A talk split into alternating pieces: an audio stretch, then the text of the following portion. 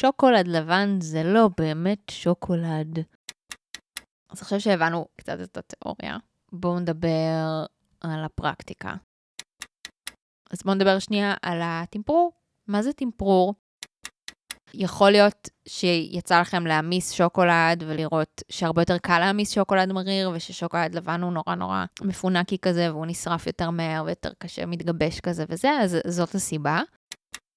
באמת, אה, זאת ההמלצה הכי חמה שלי בנוגע לשוקולד טבעוני.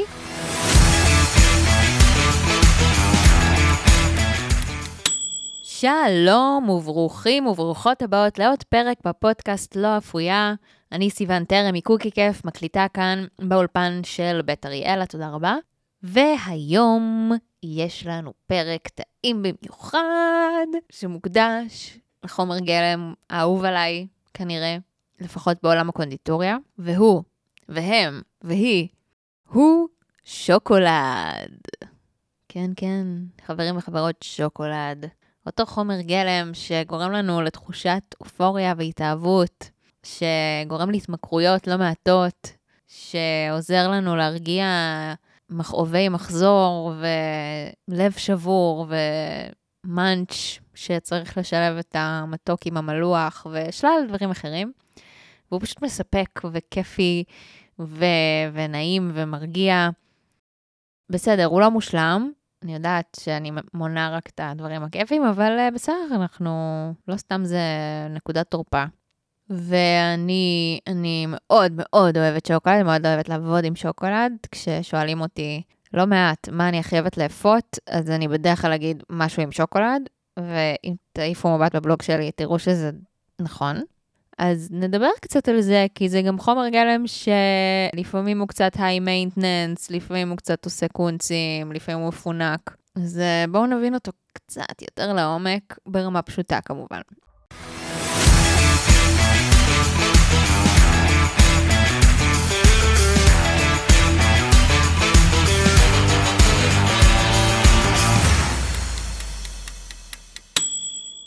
קודם כל, בואו נגיד מה זה מוצקי קקאו. בואו נגדיר שנייה את הדבר הזה, שזה משהו שאנחנו בדרך כלל רואות ברשימת אה, רכיבים.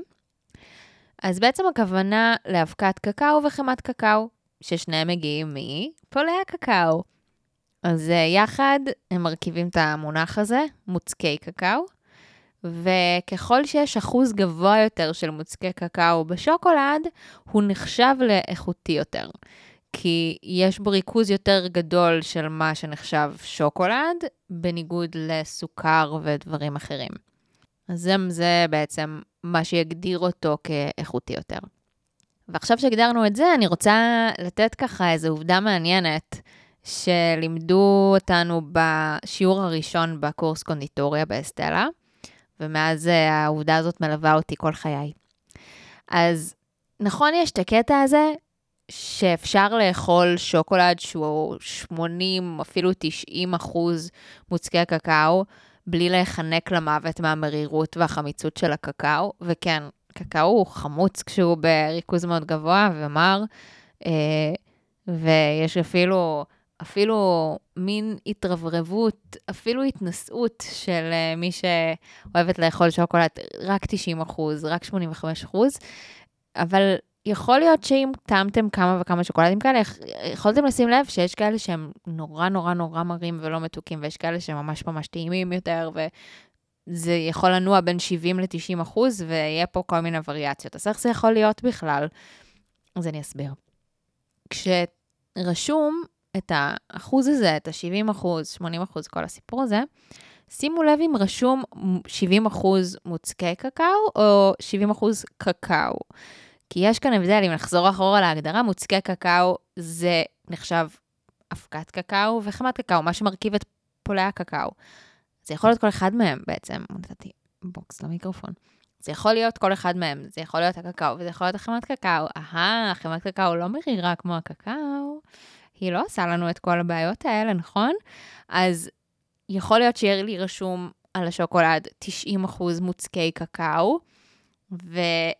הם, ככה הם יוכלו לשחק עם הרמה של הקקאו לעומת החמת קקאו, ובעצם זה לא יהיה 90% קקאו, שהוא הדבר המריר, החמצמץ, שיותר קשה לאכול כשהוא כל כך דומיננטי.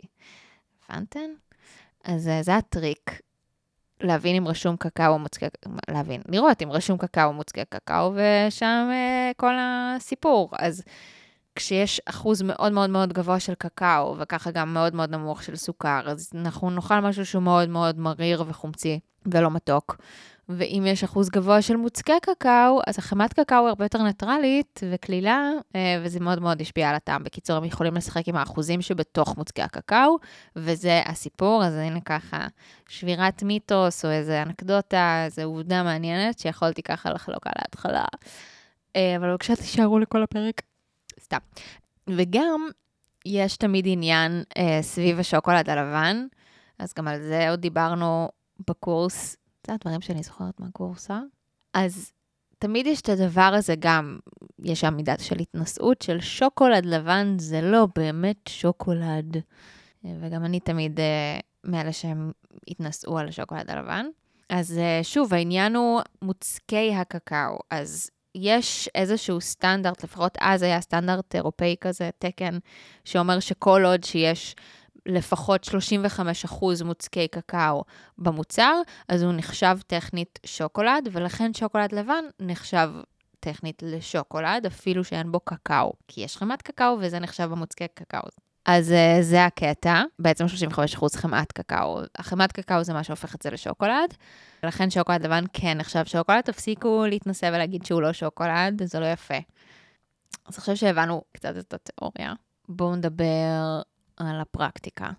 אז בעצם יש לנו לרוב שלושה סוגי שוקולד, יש לנו שוקולד מריר, שוקולד חלב ושוקולד לבן, שבעצם אחוז הסוכר, הקקאו וחמת הקקאו משתנים אה, ביניהם כדי ליצור לנו טעמים אחרים, וגם אחוז אבקת החלב שנהוג להוסיף, אז בעצם בגלל זה כטבעונים וטבעוניות, הרבה יותר קל לנו למצוא ולאכול שוקולד מריר, שזה יהיה טבעוני, למרות שצריך לשים לב, ויש אה, כל מיני סוגים של שוקולד מריר שדוחפים להם אבקת חלב או מי גבינה או איזו שטות מטופשת.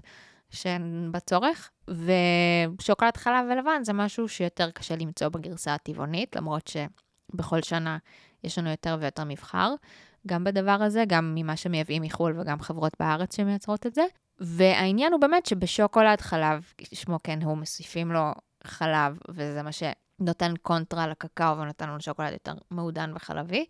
והשוקולד הלבן, אין בו קקאו בכלל, אז יש בו גם יותר חלב וסוכר, וטוב, אתן מכירות את השוקולד. אז זה בעצם בגדול ההבדלים, וזה גם יוצר הבדל בטקסטורה, במרקמים, כשאנחנו באות לעבוד עם זה, להעמיס את זה, לאפות עם זה. אז זה גם מן הסתם ההבדל ברכיבים יוצר את ההבדל בעבודה עם השוקולד. בגדול, מה שזה אומר בשבילנו, בדרך כלל מה שיותר קריטי לנו זה הנקודת המסע, שבעצם רלוונטית לנו לטמפרור. אז בואו נדבר שנייה על הטמפרור. מה זה טמפרור? טמפרור זה כאב ראש, אה, סתם. זה, טמפרור זה בעצם הטכניקה של המסע של השוקולד לטמפרטורה הנכונה, בשביל שיהיה אפשר לעבוד איתה ככה שכשהוא יתגבש בחזרה למצב אה, מוצק, לטמפרטורת חדר או, או, או קרה יותר, אז עדיין יתקבל לנו שוקולד בטקסטורה הנכונה, שזה שוקולד שהוא פציח, שוקולד שאני אתן בו ביס ויהיה את הקק הזה, כאילו שזה, יהיה לו פיצוח טוב כזה בביס, והוא יהיה מבריק ויפה. אה, עוד לפני שאני אתן בו את הביס. אם יצא לכם פעם, בטוח יצא לכם להתקל בשוקולד, שהוא קיבל מין מעטה עפרפר אה, או לבנוון כזה, כאילו הוא מאובק, או שיש עליו כתמים כאלה, והוא לא מבריק מן הסתם. זה, זה בעצם פיגמנטציה שקורית לשוקולד כשהוא עובר כל מיני תנאי קירור עד שהוא מגיע אלינו. זה לא אומר שהוא מקולקל, זה ממש ממש ממש לא מקולקל, אבל זה כן פחות כיף לאכול אותו ככה. כשהוא מגיע למצב הזה, כדאי להעמיס אותו. כשהוא נמס הוא חוזר לעצמו, ואם אנחנו נרצה אותו כן לצריכה בטמפרטורת החדר כפי שהוא, אז כדי להגיע לתוצאה הרצויה, נצטרך לטמפרר אותו. להביא אותו לטמפרטורה המדויקת, שכשהוא יחזור לעצמו, אז הוא כן יהיה מבריק ונגיס וכל הדברים הטובים האלה שאנחנו נרצה ממנו. אז זה בעצם העניין של הטמפרור. אז טמפרור הוא רלוונטי כשאני רוצה בעצם להעמיס שוקולד, לעשות איתו משהו, ואז להחזיר אותו למצב מוצק, ואני רוצה שהוא יהיה כמו שצריך. אם אני לא אעשה את זה, נגיד, אני לא אעבוד על הטמפרטורה באיזושהי טכניקה, ואני פשוט אעמיס אותו לאיזושהי טמפרטורה ואחזיר אותו למצב מוצק, אז שוב, יכול להיות שהוא לא יהיה מבריק, יכול להיות שהוא יהיה מדי ונמס מדי, זה ממש ישפיע על המראה שלו ועל המרקם שלו. אז אם אני מכינה נגיד פרלינים, אני רוצה לצפות משהו בשוקולד וזה, אז, אז זה יהיה לי יותר קריטי. אם אני uh, קוצצת שוקולד, שיהיה שוקולד צ'יפס בעוגה, או שאני ממיסה שוקולד שיהיה חלק מבלילה של עוגה, או כל מיני דברים כאלה, או שכבה אמצעית, או whatever, אז זה מן הסתם לא יהיה לי קריטי. אז זה תלוי בתוצאה, בשימוש, אם אני אצטרך טמפור או לא. אז uh, בהרבה מקרים פשוטים כאלה של היום-יום, לא תצטרכו בכלל להגיע למצב של, uh, של התעסקות של טמפרור. ובמידה וחשבתם לעשות את זה ותהיתם מה זה, אז uh, בעיקרון יש שתי טכניקות עיקריות שנהוג להשתמש בהן כדי לטמפרר. הן הנפוצות ביותר. Uh, הראשונה שנדבר עליה זה קירור על שיש. שזה נראה ממש מגניב, וזה גם ממש מאוד נפוץ במקומות מקצועיים שעובדים עם שוקולד ובקונדיטוריות. זה בעצם אומר ככה, צריך כמובן משטח שיש מאוד מאוד נקי ויבש, צריך להעמיס את השוקולד ולהגיע איתו לטמפרטורה הנכונה, שהתחלתי להגיד קודם, שלכל שוקולד יש טמפרטורת אה, המסה שונה. בשוקולד מריר זה יהיה בין 50 ל-55 מעלות, ובשוקולד חלב ולבן זה יהיה בין 48 ל-50 מעלות. יכול להיות שיצא לכם להעמיס שוקולד ולראות שהרבה יותר קל להעמיס שוקולד מריר, וששוקולד לבן הוא נורא נורא מפונקי כזה, והוא נשרף יותר מהר ויותר קשה, מתגבש כזה וזה, אז זאת הסיבה. אז נצטרך להעמיס לטמפרטורה הזאת, ואז אנחנו נשפוך בערך 80% מהשוקולד על השיש, וצריך כאלה פלטות, כאלה שפכטלים, ואז עם השפכטל כל הזמן משטחים את השוקולד על השיש ומרימים, ומשטחים ומרימים, עושים איתו הלוך ושוב כזה. בעצם זה מקרר אותו, כל פעם שעושים ממנו שכבה דקה יותר שנוגעת בשיש הקר, הוא מטבעו קר, מקרר את השוקולד, והערבוב גם מקרר אותו, אז זה בעצם הולך ומקרר אותו, וגם הערבוב דואג שזה יהיה יותר אחיד בכל המסה. וממשיכים, ממשיכים, ממשיכים, עד שזה מגיע לטמפרטורה בשוקולד מריר 28-29 מעלות, שוקולד חלב 27-28 מעלות, שוקולד לבן 26-27 מעלות, כל פעם זה יורד בטמפרטורה. זה בעצם רואים את זה כי השוקולד ממש נהיה יותר ויותר צמיגי, הוא כבר כאילו בתהליך של בדרך להיות יותר מוצק. אז נהיה לנו מין גוש שוקולד צמיגי, שצריך להחזיר בחזרה, יש לנו את הקערה ההיא של השוקולד שהעמסנו, ושפכנו רק 80% ממנו, אז יש שם 20% של שוקולד נמס כזה, כן, כן, אז אני מחזירה לשם, מערבבת טוב טוב הכל ביחד, ככה שהוא בעצם נמס בחזרה בזכות ה-20% האלה, וזה אמור להביא אותו לנקודת הטמפרור שלו. נקודת הטמפרור זה בעצם הטמפרטורה הסופית שאני צריכה להגיע אליה, שבשוקולד מריר זה 31-32 מעלות, שוקולד חלב 29-30 מעלות, שוקולד לבן 28-29 מעלות. ואם כזה לא יצא, זה יצא טיפה נמוך מדי, אפשר בעדינות, בזהירות, לחמם את זה עוד טיפה עד שזה מגיע לטמפרטורה הנכונה. אבל, אם, אבל אני אומרת טיפה, כי אם אני אחמם טיפה יותר מדי, זה כבר אבוד וצריך להתחיל מההתחלה. אני שנייה רגע צריכה לעצור את הפרק בשביל להודיע חגיגית ורשמית שהלוז הקבוע של קוקי כיף חוזר לעבוד בחודש נובמבר לאחר פגרת קיץ ארוכה, ועכשיו אפשר לבוא וללמוד ממני איך להכין אוכל טבעוני טעים ומשובח בשיא הקלות. יש שתי סדנאות שנשארו אליהם מעט מאוד כרטיסים, אז אפשר לבוא לסדנת אוכל חלבי ללא חלב, נכין גבינות ומאפים טעימים רצח בלי הרצח, וגם יש סדנה של בישול אסיאתי מגוון, כיפי ומיוחד. הסדנות התקיימו בתל אביב. וגם סיורי האוכל הטבעוניים בשוק לוינסקי חוזרים ובענק. הסיור שבו תוכלו לאכול המון המון המון אוכל טבעוני טעים מדהים עד שתתפוצצו לגמרי ותתחננו כבר לרחמים.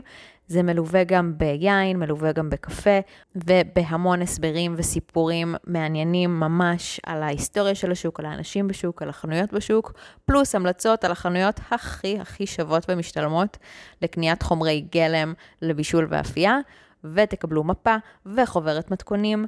בקיצור, תצאו הכי מרוצים ומרוצות בעולם באבטחה, אני דואגת לזה. פלוס, אם לא מתאים לכם סיור שהוא בבוקר צהריים, יש גם סיור ערב אחד בפלורנטין, אלכוהולי וכיפי ומגניב, וכמובן שגם בו יש הרבה אוכל טבעוני. אז כל מה שצריך לעשות זה להיכנס לאתר שלי. אני אשים לינק בתיאור הפודקאסט, אבל אפשר גם לכתוב בגוגל קוקי כיף, להיכנס ללשונית של הכרטיסים לסדנאות ואירועים, ולראות שם את כל הפירוט ולתפוס מקומות אחרונים. ונחזור לפרק. אם נסכם את תהליך הטמפרור, הרעיון הוא לחמם את השוקולד מעבר לנקודת הטמפרור, ואז לקרר אותו מתחת לנקודת הטמפרור, ואז לחמם אותו בחזרה אל נקודת הטמפרור, אוקיי? ובגלל זה אני אחזור אחורה לנקודה היא שאמרתי שטמפרור זה כאב ראש, אז זה. זה יכול להיות גם ממש קסום ומגניב וריפוי בעיסוק ולהתעסק בשוקולד וזה, כאילו אני לא מזלזלת או שוללת, אבל זה לא מין פעולה יומיומית קלילה, וזה מה שאני אומרת. אז, אז ככה, ככה זה קירור על שיש. השיטה היותר פשוטה, היותר ידידותית למשתמש בעיניי, זה שיטה שנקראת הזרעה, אמ, שם חמוד כזה.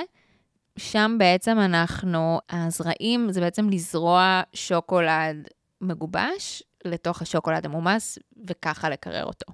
אז מה צריך לעשות? בגדול, לקחת את השוקולד ושני שליש ממנו להמיס, ושליש ממנו לשמור בצד. כשהוא אה, ממש קצוץ לחתיכות קטנות, או שהוא מראש בא בחתיכות קטנות. צריך להעמיס, שוב, את, ה, את החלק הגדול יותר, את השני שליש שוקולד, צריך להעמיס לטמפרטורת המסע שלנו, ל-50 עד 55 מעלות במקרה של שוקולד מריר, מה שאמרנו. ואז אני מפסיקה את הפעולה של החימום, ואני מתחילה להזריע, אני מתחילה לזרוע. סליחה. אה, לשפוך פנימה את השוקולד הקצוץ לתוך השוקולד המומס ולערבב, וכל פעם לשים ולערבב ולשים ולערבב. אה, ואני תוך כדי גם בודקת את הטמפרטורה, לוודא שהכל סבבה.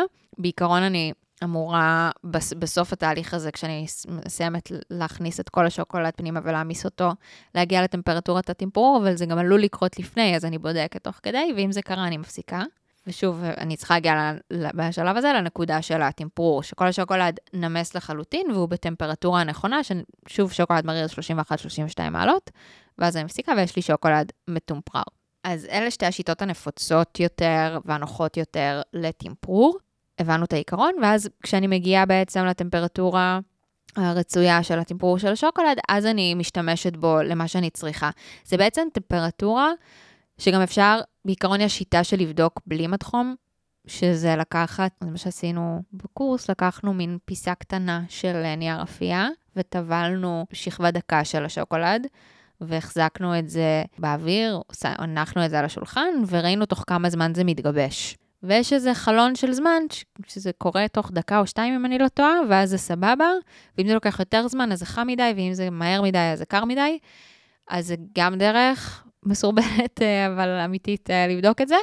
כי הרעיון הוא בעצם שבאמת ברגע שאני אשתמש בשוקולד המטומפרר, הוא מתגבש מאוד מהר, מהר, הוא כבר קרוב יותר לנקודה של טמפרטורת החדר והוא מתגבש מהר, אז נגיד אני מכינה פרלינים או טבלאות שוקולד, אז כשאני מגיעה לנקודת טמפרור, זה השלב שבו אני שופכת את השוקולד לתבנית שאני צריכה להשתמש בה, אה, או מצפה את מה שאני צריכה לצפות וכולי.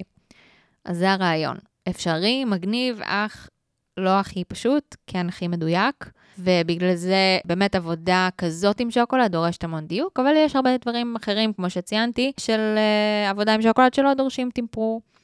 עכשיו, שני טריקים. בעצם, אם אני רוצה לצפות משהו בשוקולד, ואני לא רוצה לעבור את כל התהליך הזה של הטמפרור, נגיד אני מצפה קרמבו או ארטיק או whatever, יש כל מיני דברים שאפשר לצפות בשוקולד, אז uh, יש שני דברים שאני יכולה לעשות. דבר אחד זה להיות על זה בהמסה. עכשיו, להמיס שוקולד גם יש שתי דרכים עיקריות, או בן מרי או במיקרוגל. מה זה בן מרי? האמבטיה של מרים, שלא ברור, לא, אין אה, אה, סיבה חד משמעית, יש כל מיני אה, השערות, אבל אין סיבה חד משמעית למה קראו לזה ככה.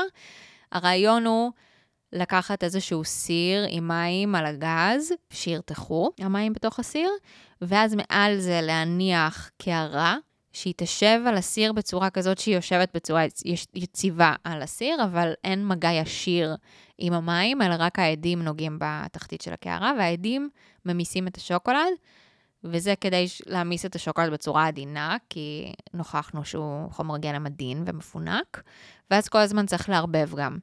כי בתחתית של הקערה זה יהיה יותר חם, מהשוליים, אז צריך הזמן לערבב כדי שהכל כזה יימס בצורה אחידה. אז זה המסע בבן מרי, הדרך הבטוחה להעמיס בעצם. אה, ויש אה, מיקרו, שההתנגדות להעמסה במיקרו, זה לא שאסור לעשות את זה וזה לא סבבה, ואני ממש כל החיים שלי ממיסה שוקולד במיקרו. פשוט חובה להקפיד, לא לשרוף אותו. ואפשר לעשות את זה בסבלנות, אם כל פעם תחממו ל-15-30 שניות. לא מעל 30 שניות, בטח שלא בשלב מתקדם. בהתחלה אפשר, גם תלוי בכמות, אם זו כמות אדירה, אפשר גם להתחיל עם דקה. אבל uh, כל פעם כמה שניות ולערבב, כמה שניות ולערבב, כמה שניות ולערבב, ואז הכל יהיה בסדר ואין סיבה שזה uh, יישרף. והכל כמובן, כל האופציות של המצ... המסע של השוקולד הן הרבה יותר עדינות uh, כשזה מדובר נטו בשוקולד. אם אני ממיסה שוקולד יחד עם חלב צמחי, עם קרם קוקוס, עם שמנת צמחית, whatever, שמן, משהו ביחד איתו, אז uh, הרבה יותר פשוט, כאילו פחות סיכוי שהוא יישרף, כמו כש... כשהוא לבד. אז אני יכולה להמיס במיקרו ואני יכולה להמיס בבן מרי, ואם אני ממש אהיה על זה, ואני אעצור את ההמסה בשנייה שכל השוקולד אה, נמס לי במרקם אחיד, אז אני אגיע לשוקולד שמאוד מאוד נוח לעבוד איתו, ושהוא אה, יתקרר מהר ויהיה מבריק ויהיה מהמם. אז אה, זאת אופציה אחת. ואופציה שנייה זה להעמיס טיפונת שמן עם השוקולד. כל שמן, זה לא חייב להיות שמן קוקוס, זה יכול להיות שמן קוקוס, זה יכול להיות כל שמן אחר. אני מקפידה בערך על כף שמן על כל 100 גרם שוקולד. לא חייב להיות שוקולד מריר, כל שוקולד. וזה גם, שוב, עוזר לי להמיס את זה יותר בקלות, עם פחות סיכוי שזה יישרף, וגם דואג לי לשוקולד שהוא פחות פציח, שזה יותר נוח לי, יותר פחות קשיח, כשאני מצפה ארטיק או קרמבו או whatever, אז אני לא רוצה ביס נורא חזק בשוקולד, אמ, אז יותר נוח לי שהשמן נותן לו טיפונת, טיפונת, טיפונת אה, יותר רכות. זה עדיין עושה crunch. לא לדאוג, אבל משהו שיותר קל לתת בו ביס. וגם זה גורם לו להיות מבריק וחתיך, גם אם הוא לא בטמפרטורה של הטמפרור. אז זה מה שאני עושה כשאני מצפה דברים, וגם יותר נוח לעבוד עם זה, זה ממש ממש נחמד. זה הטריק שלי, וזה בגדול מה שנראה לי אה, השאלות הבוערות יותר בנוגע לשוקולד ועבודה עם שוקולד, אז אני מקווה שעניתי ככה על השאלות הנפוצות ושאולי גם שברתי כמה מיתוסים על הדרך.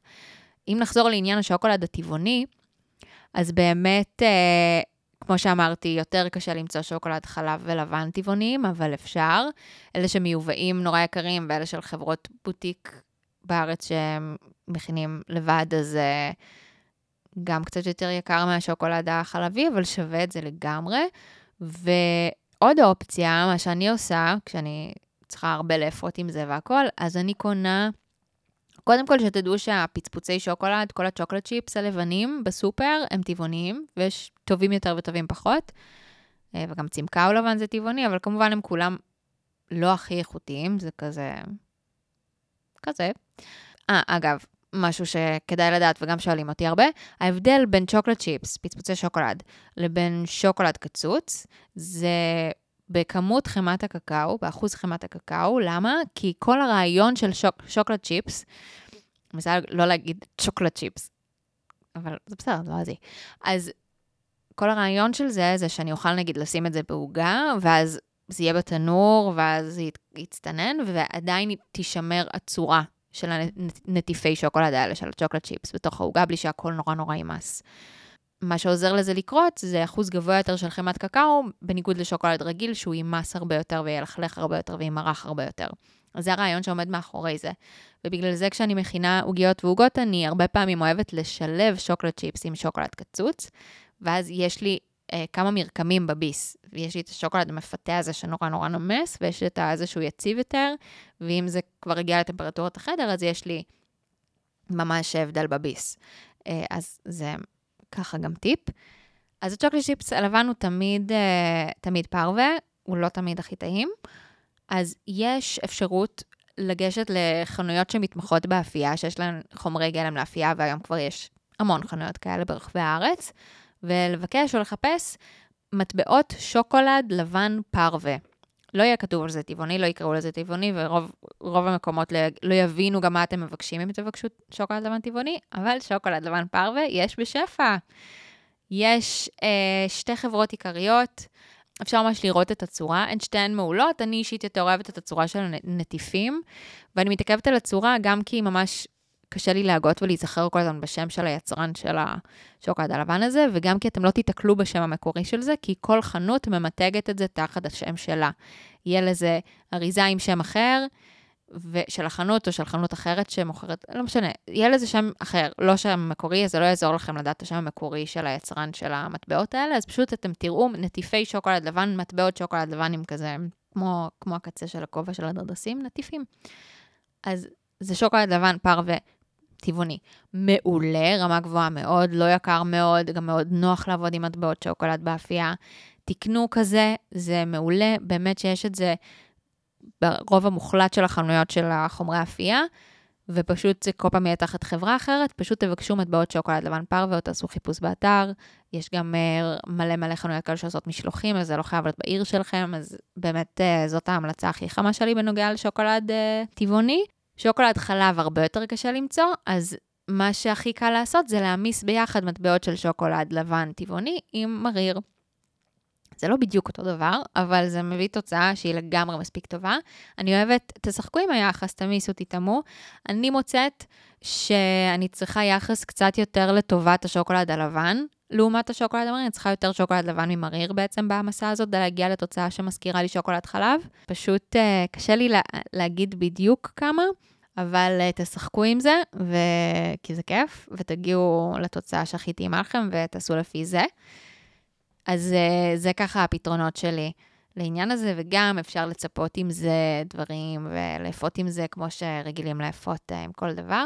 Uh, עוד כוכבית על שוקולד חלב ושוקולד לבן, שבגלל שהם רגישים יותר, הטמפרטורה שלהם שונה משל שוקולד מריר, אז תשימו לב שגם בגנשים ודברים כאלה, שגנש זה כשאני ממיסה בצורה קלאסית שוקולד מריר עם, עם שמנת מתוקה ביחס של אחד לאחד, כדי ליצור מעין רוטב מבריק, ציפוי, אה, שכבה. אה, גם אפשר אה, להקציף את זה אחרי שזה מתקרר לסוג של קרם שוקולד, גנש שוקולד זה החיים. בגרסה הטבעונית נעשה את זה עם שמנת צמחית או קרם קוקוס, וזה יוצא מעולה, ממש כמו שזה, אבל עם שוקולד חלב או לבן נצטרך יחס שונה לגמרי. אני יודעת שבשוקולד לבן חלבי, נגיד, צריך פי שתיים שוקולד לבן מהשמנת המתוקה, אבל אני, מהניסיון שלי עם שוקולד לבן פרווה, אני עושה פי ארבע שוקולד לבן מהשמנת המתוקה, שמנת צמחית, קרם קוקוס, מה שתשתמשו. אז אה, זה ככה משהו שכדאי לדעת. כשתעבדו עם שוקולד לבן, אם תצטרכו להעמיס אותו עם חומרים אחרים, אז uh, כדי להגיע למשהו יציב ויפה, אז uh, תצטרכו אחוז מאוד קטן של רטובים. Uh, וזהו, תתנסו, תשחקו, תטעמו, תאפו, תעשו, תחגגו. שוקולד זה החיים. יש לי מיליון מתכונים עם שוקולד בבלוג, ונראה לי שנתתי את כל הטיפים המנצחים שלי. ואם יש עוד שאלות, כרגיל, אני אשמח לשמוע, תשאלו אותי באיזה פלטפורמה שתרצו, אני באינסטגרם, בפייסבוק, ביוטיוב, אני כאן. תכתבו לי, תשאלו, תגידו, תגיבו, אני אשמח לדעת אה, מה קורה ואיך הולך ואיך היה. ותדרגו, תדרגו את הפודקאסט, תעשו subscribe, תעזרו לי לעלות ככה בדירוגים, שיותר אנשים ייחשפו לפודקאסט שלנו. ותודה, תודה שהקשבתם לעוד פרק. אני הייתי סיוון, אני עדיין סיוון מקוקי כיף, בפודקאסט לא אפויה על אפייה, בישול, טבעונות ומה שביניהם, כאן באולפן של בית אריאלה, שבאדיבות רבה נותנים לי להקליט בו, וככה נשתמע בפרק הבא, שיהיה המשך אה, זמן נעים וטעים. תודה ולהתראות.